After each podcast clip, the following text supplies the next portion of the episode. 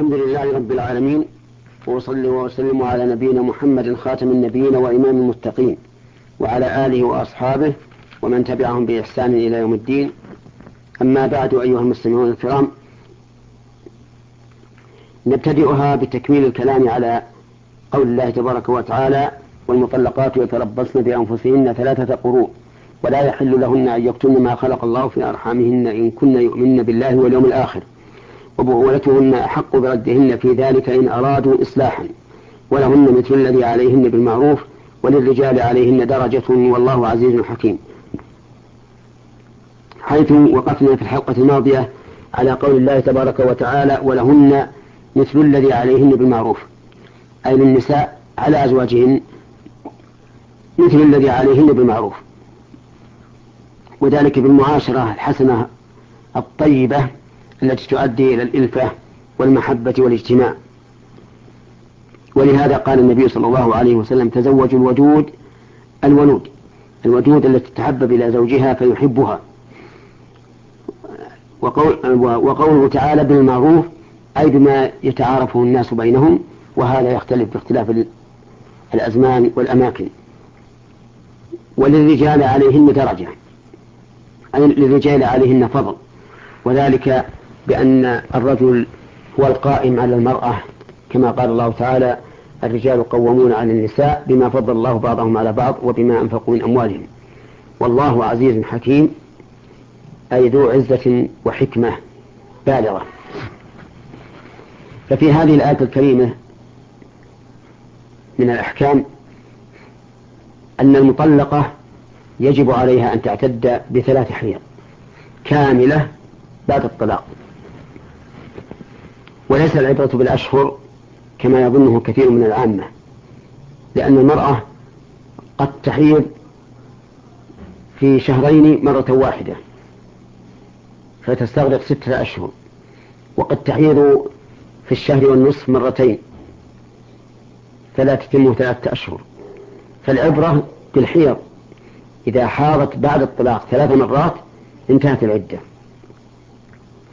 ويستثنى من ذلك المرأة المطلقة قبل الدخول والخلوة فإنه ليس عليها عدة. لقول الله تبارك وتعالى يا أيها الذين آمنوا إذا نكحتم المؤمنات ثم طلقتموهن من قبل أن تمسوهن فما لكم عليهن من عدة تعتدونها فمتعوهن وسرحوهن سراحا جميلا. ويستثنى من ذلك عند بعض العلماء المطلقة طلاقا بائنا فإنه ليس عليها إلا حيضة واحدة. قال ذلك بعض أهل العلم مستدلا بقول الله تعالى وبعولتهن أحق بردهن في ذلك فإن المطلقة ثلاثا لا يمكن لبعدها أن يراجعها. ولكن جمهور العلماء على خلاف ذلك وأن المرأة إذا طلقت فعليها أن تعتد بثلاث حيض سواء كانت مطلقة طلاقا بائنا أو طلاقا رجعيا. ومن فوائد هذه الآية الكريمة وأحكامها تحذير المرأة التي وجبت عليها العدة من أن تكتم ما خلق الله في أرحامها أي أن تكتم الجنين الذي في بطنها لأنها ربما تكتمه إما لتطويل العدة أو لتقصيرها.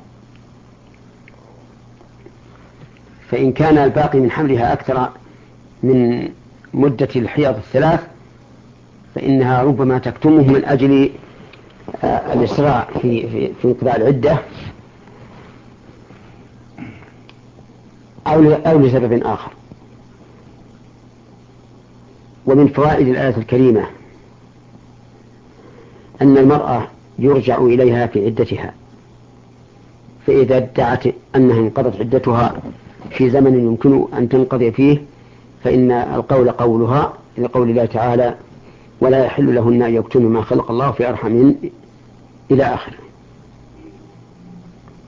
لكن يشترط أن يكون ذلك في زمن ممكن فإن كان في زمن لا يمكن فإنه لا يقبل قولها. ومن فوائد هذه الآية الكريمة إثبات أن الله سبحانه وتعالى هو الخالق للأجنة في بطون أمهاتهم. من قول الله تعالى أن يكتمن ما خلق الله في أرحامهن ومن فوائد الآية الكريمة إثبات اليوم الآخر لقوله إن كنا يؤمن بالله واليوم الآخر واليوم الآخر هو يوم القيامة. وسمي باليوم الآخر لأنه آخر حياة الإنسان حياة نعم لأنه آخر الحياة لأن الإنسان له أربع مراحل المرحلة الأولى في بطن أمه والمرحلة الثانية في الدنيا بعد خروجه والمرحلة الثالثة في القبر والمرحلة الرابعة الأخيرة يوم في يوم القيامة. ومن فوائد الآية الكريمة وحكمها تحذير المرأة.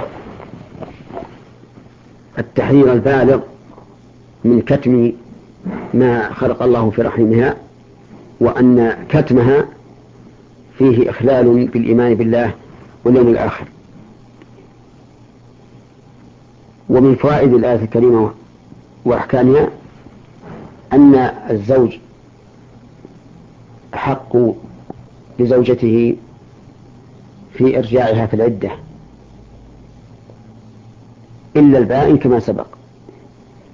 ومن فوائد الآية الكريمة وأحكامها أن الزوج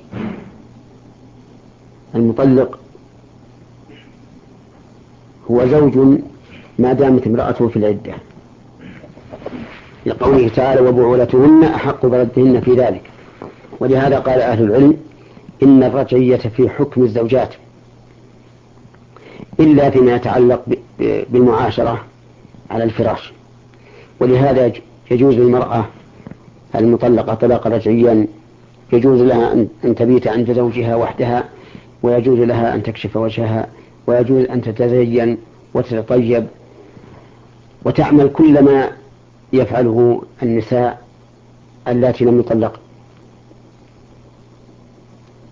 ومن فوائد الآية الكريمة وأحكامها الإشارة إلى أنه يجب على الزوج أن يكون مريدا للإصلاح حين مراجعة زوجته المطلقة لقوله تعالى إن أرادوا إصلاحا فأما إذا أراد الإضرار فإن الله تعالى يقول ولا تمسكوهن ضرارا لتعتدوا ومن يفعل ذلك فقد ظلم نفسه ولكن هل إذا أراد الزوج الإضرار بمراجعة الزوجة في عدتها. هل تصح هذه الرجعة أو لا تصح؟ ظاهر الآية الكريمة التي نتكلم عليها الآن أنه ليس له أنه ليس له الحق فيما بينه وبين الله. لقوله لأنه اشترط في كونه أحق من غيره أن يريد الإصلاح. فإذا أراد الإضرار فإنه وإن راجع وحكمنا له بصحة المراجعة ظاهرا فإن هذه المراجعة عند الله تعالى لا تفيده شيئا. لأن الله اشترط لهذا الحكم أن يكون الزوج مريدا للإصلاح. وما أكثر الذين يطلقون ويراجعون بقصد الإضرار للزوجات وهذا حرام عليهم بل المراد أن بل الواجب أن يريد الإصلاح وأن لا يريد الضرر. وإلى هنا ينتهي أو إلى هنا تنتهي هذه الحلقة من حلقات أحكام القرآن وفوائده وإلى حلقة قادمة إن شاء الله. والسلام عليكم ورحمة الله وبركاته. الحمد لله رب العالمين وأصلي وأسلم على نبينا محمد خاتم